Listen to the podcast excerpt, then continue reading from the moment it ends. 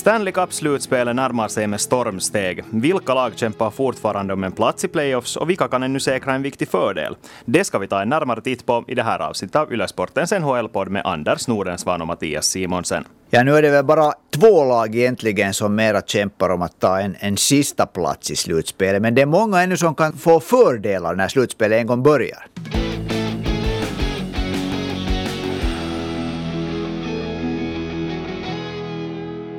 Ja, före vi tar och kör igång ordentligt så vill jag bara lyfta fram att det finns en spelare som jag nu personligen hoppas att inte kommer att få spela en endaste slutspelsmatch den här våren och det är Tom Wilson. Hans Washington är klart för slutspel, ja, men efter nattens match mot New York Rangers och de övergrepp som man väl ska kalla det som han stod för där så måste han stängas av för en lång tid framöver. Eller håller du med Anders? Jag håller med om, om att han, han borde avstängas. Vi har ju diskuterat Tom Wilson tidigare också. Jag liksom är inte en stor vän av Tom Wilson. Helt personligen så tycker jag att de värsta grejerna han gör är de här när han kommer liksom från blindvinkel och tacklar i huvudet med armbågarna, vilket han, vilket han har gjort upprepade gånger. Den här förra nattens, förra nattens vansinniga brottning så puckelmatch som han bjöd på mot två olika spelare. Så det där var ju osmaklig och han borde avstängas. Men nu är jag lite äh, orolig för att i och med att det var både äh, Bushnevich och Panarin så egentligen greppar ju tag i Wilson och, och det där så att om man vill se med Wilson-färgade glasögon på det här så kan någon säga att han bara kämpar ner dem efter att de hade börjat. Men så finns det också en nyansskillnad mellan att kämpa ner dem och att slänga en spelare utan hjälm med huvudet före i isen och sen fortsätta slå honom när han ligger där. Och Panarin är skadad nu. Han kommer att missa resten av säsongen. Förvisso bara tre matcher nu för Rangers, men ändå. Jag ser åtminstone det som en ytterst allvarlig incident. Ja, alltså jag har absolut inga sympatier för, för det där Wilson som jag tycker att är en gris. En gris, är en farlig spelare. Jag bara är lite skeptisk till att det där att NHLs, NHLs disciplinära personer där kommer att det där äh, att stänga av honom. Men som vi redan har konstaterat så eh, New York Rangers har bara tre matcher kvar av den här säsongen. Det står nu klart exakt vilka lag som går vidare från den östra divisionen. Det är egentligen bara en division där det nu fortfarande kämpas om den här sista slutspelsbiljetten. Och vi har fått in massor med frågor eh, för det här avsnittet och en av dem handlar om just det här paret. Det är Thomas som undrar vem det är som kommer att ta den sista platsen i Central. Är det nu Dallas eller är det Nashville? och, och superintressant är det, är det ju i och med att båda lagen har en mycket stark finländsk prägel. Nå, nu har ju Nashville tagit några steg liksom här kan man säga. De slog äh, Dallas under helgen i en otroligt tajt match som slutade med Erik Haulas enda mål i matchen och som vanligt Jose Saros slutspel. Och nu förra natten så förlorade Dallas i förlängningen medan Nashville vann i förlängningen. Så nu är det fyra poäng till Nashvilles fördel. Nashville har tre matcher ospelade och Dallas har fyra matcher ospelade. Att nu börjar det ju luta mot att det är Nashville som tar den här platsen. Jag vet, och nu är det jag som måste krypa till korset för en gångs skull. För jag sa ju för två veckor sedan när vi snackade om det här att det känns som att det är fördel Dallas. Och då talar vi också om att den här matchen som de spelar sinsemellan kan vara avgörande. Det ja. tror jag att den faktiskt var den här gången. Att, att de poängen som Nashville tog där kommer att vara det som är avgörande här och att det faktiskt är Nashville som tar den där sista platsen. Ja, man ser nu att Dallas ska under sina, de ska spela två gånger mot Tampa Bay, sen har de två matcher mot Chicago och sen är det slut. Medan Nashville då eh, ska spela på nytt mot Columbus och sen mot Carolina två gånger. Så det där eh, att, att, eh, att Dallas nu skulle kunna lyckas ta in fyra poäng här när man bara får den där, de där två poängarna för en, för en seger i, i det där i, i NHL. Så, så nu börjar det ju nu luta mot att det, inte, att det liksom, liksom är omöjligt i princip. Mm. Eh, men om vi stannar i centraldivisionen och, och tittar lite på hur det ser ut där, så är det här ju alltså den kampen om den fjärde och sista slutspelsbiljetten i en division där var de tre första lagen ändå är i en klass för sig. Och där är det också väldigt tajt i fighten om den här första platsen. Är det Carolina, är det Florida eller är det Tampa Bay som ska sluta etta i den här divisionen och således ställas mot ett i förhand sett mycket lättare motstånd i den här första slutspelsomgången. Så det här är ju också någonting som man ska hålla ögonen på under de här sista omgångarna. Eh, jag, jag, håller helt med dem. Jag tror det här är egentligen en verklig nyckelfråga nu. Att, äh, eftersom då Tvåan och trean kommer att spela mot varandra och det kommer att bli tufft. Det kan vara Florida mot Tampa Bay eller Carolina mot vardera av de lagen om inte Carolina vinner. Nå, nu ser det ju ut också här som Carolina skulle hålla på sakta men säkert och, och bita sig fast i den där, eh, första platsen. De har visserligen bara två poäng ner till, till Florida och, och eh, fyra poäng till Tampa Bay, men när de har färre matcher spelade än Florida, lika många som Tampa Bay, så, så det där, nu börjar det ju lite att se ut. Och om man tittar på hur Carolina har gått den här säsongen så har de bara förlorat tio matcher under ordinarie speltid. Både Florida och Tampa Bay har förlorat 14. Så Carolina är ett svårt lag att slå helt enkelt. Mm. Och jag tror att det kommer att vara viktigt också för att, uh, jag menar det laget som slutar två och det laget som slutar tre, så den slutspelsserien kommer att bli otroligt underhållande att titta på, men jösses så den kommer att vara utmattande för de här lagen som spelar ja. den högst antagligen. Nu kan det ju förstås gå så att det ena laget slår det andra rakt i fyra matcher, men, men det känns ju ändå som att den kommer att bli väldigt tight, medan det laget som slutar etta kommer att ha det lite lättare mot då antagligen Nashville. Och om det speciellt blir Carolina som kanske inte på samma sätt slutspelshärdat som till exempel Tampa Bay så tror jag att det kan vara en jättestor fördel för dem med tanke på resten av slutspelet. Eh, nu ska vi komma ihåg, för vi går in på den här då potentiella Florida Tampa Bay-matchen, det där matchen, att Nashville har ju varit hela ligans tredje bästa lag under snart två månader. Så att, och, och en glöd, glöd, glödhet Jose Saros i mål. Så Nashville kommer nog inte att bli en lätt bit för någon. Men det håller jag nog med dig om att den här, den här liksom tvåan och trean då, som då ser ut att bli Florida och Tampa Bay, så det kan ju nog bli en helt fantastisk matchserie. Och jag tror att alla ishockeyfans borde hoppas på att det blir den matchserien, för då blir det ju en, en det där, en, äntligen en sån här, ett lokal derby i Florida mellan då Panthers och Lightning och det skulle verkligen sitta med sån här, det skulle börja bli en sån här riktig rivalitet där. Och hur mycket tror du att inte klubbcheferna, eller ska vi säga ligans ledning, sitter och river sig i håret för att de inte får ta in fullsatt publik på de här matcherna? För jösses, för en gångs skull skulle det kunna vara riktigt tryck också yep. i Florida Panthers hemmahall. Yep, verkligen, verkligen. Men kanske det blir tryck på parkeringsområdet istället. Man kan alltid hoppas. Men hur är det med de andra divisionerna då? No, där ser det nu, vi vet ju hur det går då i östra divisionen, vilka fyra lag som går vidare. Och där tycker jag åtminstone personligen att det nu inte är egentligen någon skillnad vilken, division, vilken lag som tar hem det, eller hur, hur det där liksom slutspelsparen egentligen formas där. Om det då blir för tillfället så är det Washington som leder, om Washington får Islanders emot sig, då ska det vara Pittsburgh mot Boston. Egentligen hur det än det där går där så kommer båda de här slutspels, eh, inledande slutspelsparen där att vara getingbon. Och helt omöjligt, för mig åtminstone, att säga hur det kommer att gå där. Nej, jag håller fullständigt med. Då, förutom de här antipatierna som man kanske har mot Washington Capitals för tillfället efter den här nattens match. Så de kan vara lite tillfälliga men ändå. Så eh, jag håller med om att det kommer att vara oerhört jämnt. Det kommer att vara oerhört tight. Det kommer att vara riktigt tuffa matcher där det, åtminstone jag tror att det är väldigt få mål som kommer att avgöra. Jag tror inte att det blir sådana utskåpningar som man kanske kan se i de andra divisionerna till och med den här första omgången. Nej, det här kommer att bli jättespännande. Ja, alltså östra, östra divisionens slutspel så kommer nog att laget som kommer ut därifrån kommer att vara mörbultat om vi säger på det viset. Och härdat för, för tuffa matchserier också. Vi ska ja. se det positiva i det också. Ja.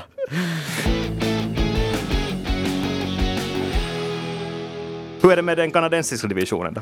Och där är det ju då såklart ren, ren klart att, att Toronto vinner divisionen. Och nu har det ju sett ut jättelänge här som det skulle bli Toronto mot Montreal, det vill säga ettan mot fyran i första omgången. Och det har ju alla i Kanada åtminstone väntat, väntat på sedan 1979 då de här lagen senast mötte i en slutspelsserie. Men nu börjar det ju plötsligt att se ut efter att Montreal slog Toronto här just och har vunnit tre matcher i sträck nu, att Montreal kan gå förbi Winnipeg. För tillfället ligger de båda på jämna poäng.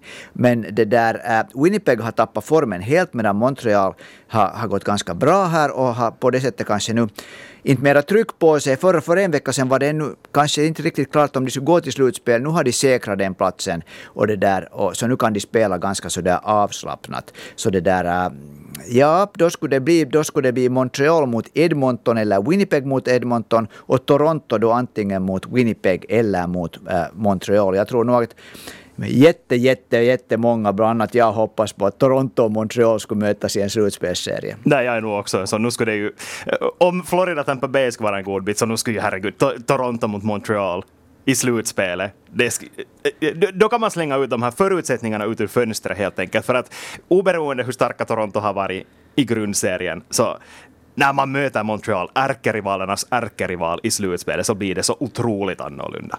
Och det är ju det värsta möjliga utgångsläget för Liv som man tänker att de har varit gott, de har varit på ett sätt överlägsna i kanadensiska divisionen när man ser på helheten.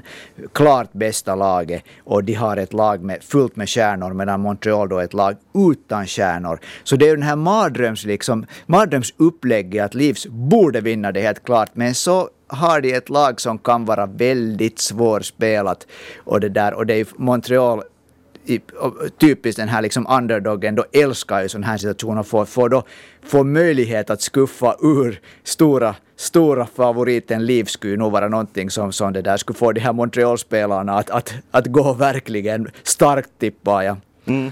Och så ska vi kanske också nämna när vi talar om den kanadensiska divisionen att Edmonton faktiskt ser ut som ett lag som kommer att gå till den andra slutspelsomgången oberoende om de ställs mot Winnipeg eller Montreal. För det känns åtminstone ur mitt perspektiv som att det inte kanske finns samma den där rivalitetskänslan där om det skulle gå så att de ställs mot Montreal och Winnipeg. Helt som du sa, så de har varit väldigt formsvaga den senaste tiden. Så jag skulle oberoende vem de ställs mot där skulle jag typ klassa Edmonton som förhandsfavorit. Men Edmonton är ett, ett lag som jag aldrig riktigt blir klok på. När det är så när det är liksom två olika lag. Det, det är den kedjan där när McDavid och, och Dreisaitl för, för tillfället spelar tillsammans för det mesta när de är på isen så skapar de chanser på chanser på chanser och är helt på, har liksom överlägsna när det gäller chanser och mål också. Men alla andra kedjor ligger ordentligt på minus. Både när det gäller att, att liksom ha hand om spelet, skapa chanser och, och, och det där göra mål också. Och i ett slutspel så ja, kan det vara svårt att få det liksom att stämma. Så jag, jag, jag vet inte hur, ett hur bra lag, slutspelslag Edmonton den här årgången är riktigt. Det återstår att se. Men i den västra divisionen så vet vi ju att vi, man kan ganska klart redan nu säga att det finns två väldigt bra slutspelslag och det är Colorado Avalanche och Vegas Golden Knights. Och de här andra som är med, ska vi nu säga Minnesota Wild, St. Louis Blues, ja, de är med, men det känns inte som att de är riktigt på samma nivå. Nej, Uh, förutom att jag, tycker också att Minnesota speciellt kanske efter den där grymt positiva uh, början av säsongen. Visserligen så hänger de där med ännu och har så helt teoretiskt har de väl till och med chans att ta hem den här divisionen ännu, men det kommer de inte att göra. Men däremot så St. Louis, som vi inte ska då glömma att de vann Stanley Cup för två år sedan, så det där såg ju verkligt uselt ut. De har sakta kravlat sig upp och nu kommer de att ta den här fjärdeplatsen. Och då kan jag nog tänka mig att St. Louis speciellt är ett sånt lag som är byggt för slutspel och kan vara också ganska ganska liksom besvärligt i slutspelet. Så där skulle jag säga att kampen om första platsen som går mellan Vegas och Colorado, så åtminstone så tänker jag på det sättet att, att den där första platsen i västra divisionen kanske inte alls är så bra som det låter, för jag tycker att St. Louis är en mer skrämmande slutspelsmotståndare än vad Minnesota är.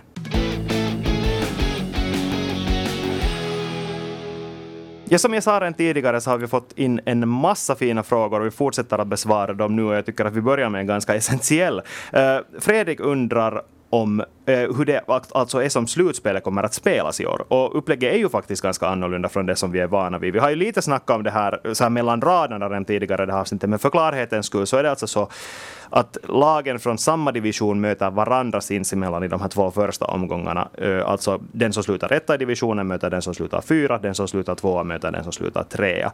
Och därifrån går då de här vinnarna vidare till den här divisionsfinalserien. Därifrån sen det bästa laget från divisionen går vidare till det här semifinalskedet där de vinnarna från alla de olika divisionerna möts först i semifinal och sen blir det Stanley Cup-finalserie.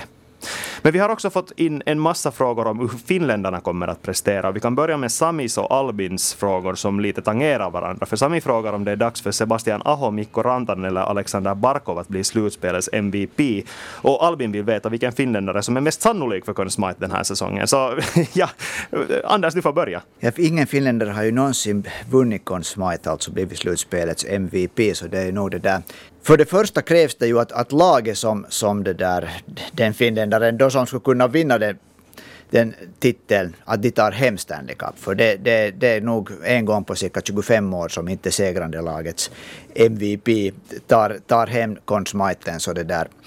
Så mm, då är det ju Då, om man tänker helt logiskt, om, om nu Colorado vinner, så ska det mycket till att inte Nathan McKinnon blir, får vinna Conn Smythe. Helt liksom praktiskt, för jag tror att för att de ska vinna så krävs det att han spelar jättebra och det gör han. Och han är, han är liksom den stora kärnan och det brukar ju vara så att den stora kärnan är den som tar hem, hem Conn Smythe. Det mest sannolika är väl nog då att om Florida vinner när lagkapten Alexander Barkov, förutom att han är lagkapten, så är han också lagets bästa spelare. Det, kom, det kan man nog inte liksom sticka under stol med. Han, är del, han bär det laget. Så om Florida skulle vinna Stanley Cup, så då tror jag nog att Alexander Barkov så här på förhand sett ser väldigt stark ut som en, som en Conn kandidat Carolina är lite annorlunda lag när det finns egentligen många som är... Äh, jag, jag tycker ju personligen att Sebastian Aho är deras viktigaste anfallare, men det är ett väldigt på sättet jämnt lag där det finns många starka spelare. Det finns mycket starka backar där man kan tänka sig till exempel att en sån kille som är lagets kapten Jordan Stahl skulle kunna vara enormt viktig för det där, äh, för sitt lag om de vinner, vinner hela tiden. Sen en back som Dougie Hamilton, eller varför inte någondera målvakten. Men om jag ska tippa att om en fin, den finländaren som jag tycker att ser mest sannolik ut att kunna vinna Conn Smythe så nu måste du säga att det är Alexander Barkov. Men då måste alltså Florida ta hem Stanley Cup.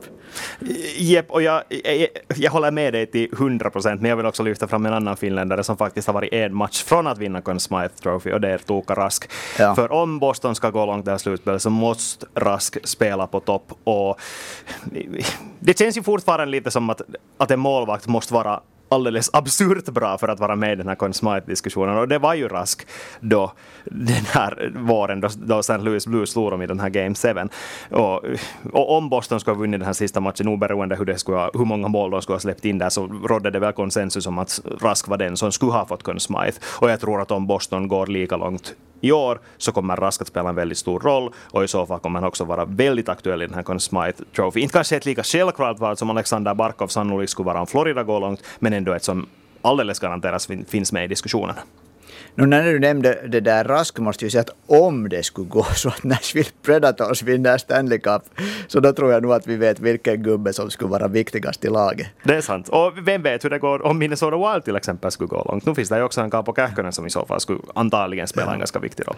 Men Jose Saros, ifall Nashville skulle, Nashville skulle till och med ändå komma till final så han skulle kunna vara en sån här kille som gör den här undantaget som alltid då och då händer att ett lag som inte vinner Stanley Cup, att deras målvakt kan kan det där bli vald till, till, till, till kons, få, få Consmite. Det har hänt ett antal gånger.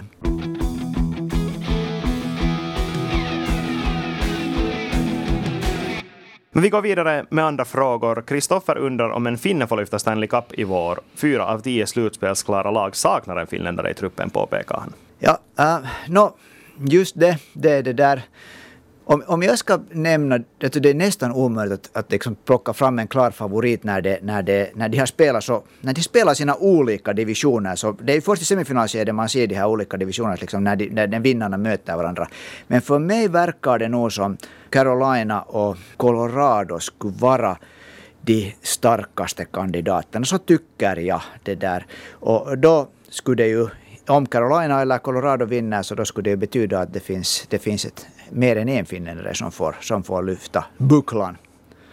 Ja, men så kan det också väldigt bra, helt sannolikt till och med gå så att det till exempel Vegas Golden Knights mot Washington Capitals i final, eller mot Toronto Maple Leafs i final. Och då är det ju inte en enda finländare som är med i NHL-lagen. Ja, Antti, Suomela finns väl någonstans där i, i Torontos rullar. Men tror du faktiskt att han får spela i slutspelet? Nej, det tror jag inte. Det tror jag inte med det där. Jag vill bara, jag vill bara observera att där finns en finländare. Nej, men det som ju är glädjande i år är att det faktiskt finns, finns finländare som spelar i väldigt stora roller i väldigt många av de här favoritlagen inför slutspelet. Just som vi har snackat om Carolina, Colorado, Florida, Nashville till exempel. Att det, sannolikheten är ju att det finns en finländare som får, i det lag som får lyfta bucklan. Att, och minst att en finländare kommer att vara med i Stanley Cup-finalen. No, det, ja, det, det, tycker man ju, men, men det kommer vi att veta jättemycket eh, eh, liksom när det blir semifinal, när de fyra lagen går vidare.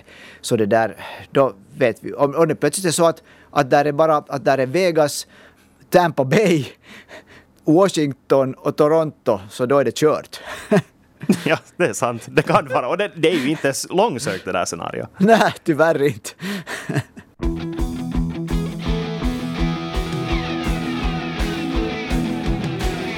Eh, men på tal om en finländare i ett uh, lag som kan gå långt i slutspelet så undrar Melker om vi tror att Kasperi Kapanen kommer att skina i slutspelet på samma sätt som han gjorde med juniorlejonen då, och då antar vi ju då att du syftar på turneringen 2016 som slutade med Kasperi Kapanens mål i förlängning.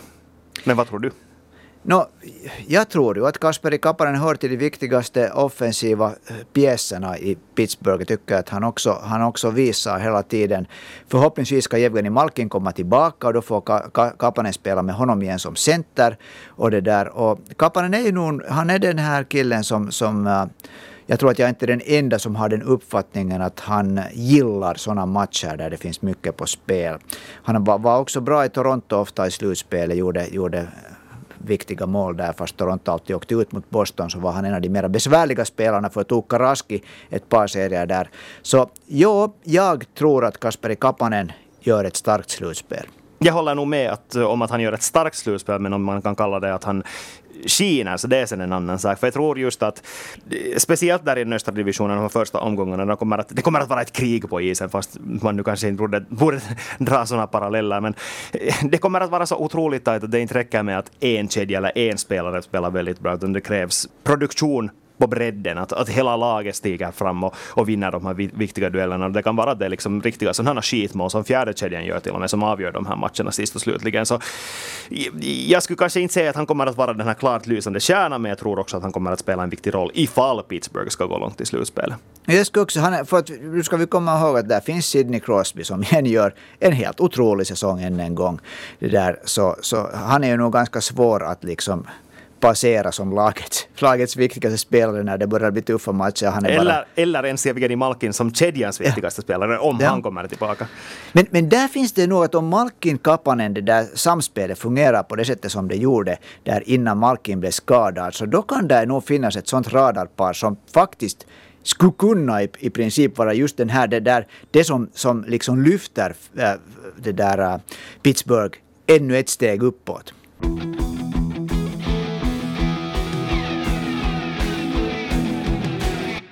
Sen har Jonas skickat in en fråga. Han undrar om Christopher Gibson kan bli en startande målvakt i NHL i framtiden. han har ju spelat bra för Tampa Bay den senaste tiden, men jag, vet, alltså jag är lite tveksam.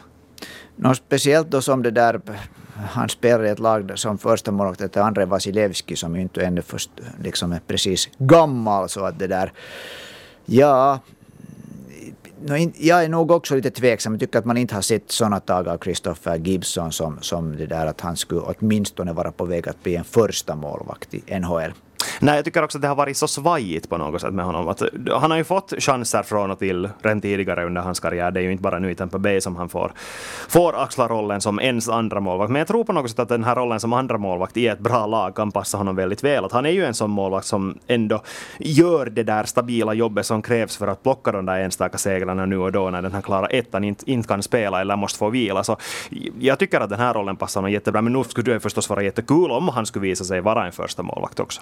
Och det är nog hårt, hårt i NHL nu att få den där första spaden. Det är det där, det finns, det, nivån på målvakter är nog hög. Mm. Och samtidigt har ju, det vad vi har sett den här säsongen har ju redan visat det att den där, det här kopplet är så vansinnigt kort för tillfället. Det, du har inte råd för värst många misstag före du i princip tvingas ge upp din plats åt någon annan som sen eventuellt kan ta vara på chansen och bli den ettan. Vi har sett det här i Chicago, vi har sett det i Minnesota.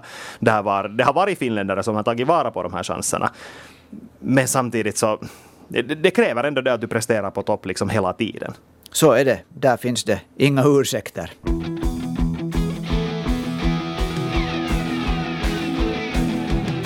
Så har vi en fråga som inte direkt handlar om slutspelet, men jag tycker att den är ganska intressant så vi kan ta den ändå. Och det är Christian som undrar om Patrik Laine skulle passa in i Florida.